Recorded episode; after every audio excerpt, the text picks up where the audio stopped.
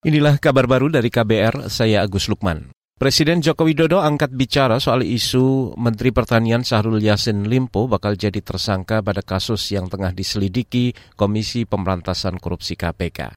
Presiden Jokowi meminta wartawan menanyakan hal itu kepada penegak hukum. Namun ia memastikan telah memberikan arahan kepada para menterinya untuk berhati-hati dalam mengelola anggaran. Tanyakan ke sana, tanyakan ke sana kan bola kan bola balik saya sampaikan hati-hati mengelola keuangan negara. Karena kita kelola ini di setiap kementerian gede banget. Harus diawasi harus dikontrol harus dicek bola balik saya sampaikan sekecil sekecil, sekecil apa pun uang itu eh?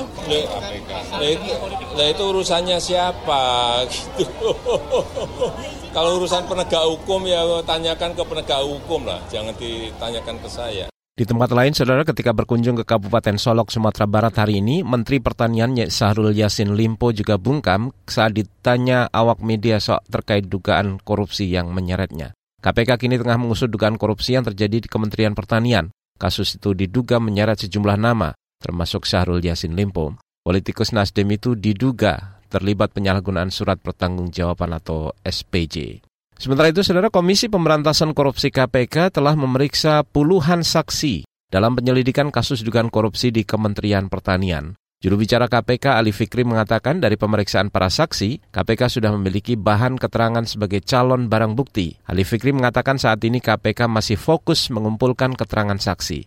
Setelah keterangan saksi dinyatakan lengkap, tim penyelidik akan menyimpulkan apakah perkara itu layak dilanjutkan proses hukumnya. Rencananya KPK akan memeriksa Menteri Pertanian Syahrul Yassin Limpo pada Jumat besok. Ali Fikri menegaskan penyelidikan dugaan korupsi itu dilakukan di Kementerian Pertanian, bukan terhadap Menteri Syahrul Yassin Limpo. Ia meminta tidak ada salah paham karena saat ini ada pihak yang sengaja menyebut KPK menarget menteri atau terkait politik.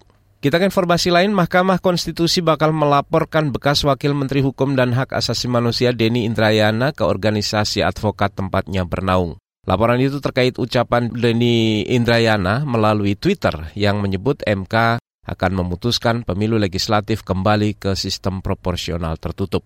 Wakil Ketua Mahkamah Konstitusi Saldi Isra mengatakan pernyataan Denny Indrayana pada 28 Mei lalu itu tidak benar karena rapat putusan hakim baru digelar 10 hari sesudahnya.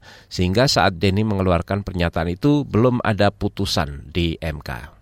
Pernyataan itu tidak benar, tidak benar karena satu, tanggal itu belum ada putusan, belum ada rapat permusyawaratan hakim, Rapat pemusatan hakim untuk memutus itu baru terjadi tanggal 7 Juni.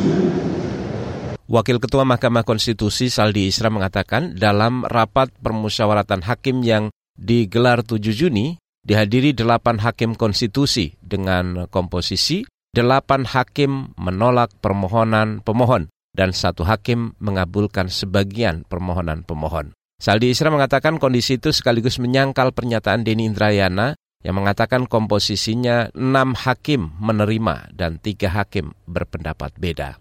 Saldi Isra menambahkan langkah MK melaporkan Denny Indrayana ke organisasi advokat adalah agar organisasi yang dinaungi Denny menilai ada tidaknya pelanggaran etik.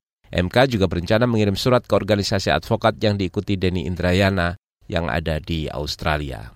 Demikian kabar baru dari KBR, saya Agus Lukman.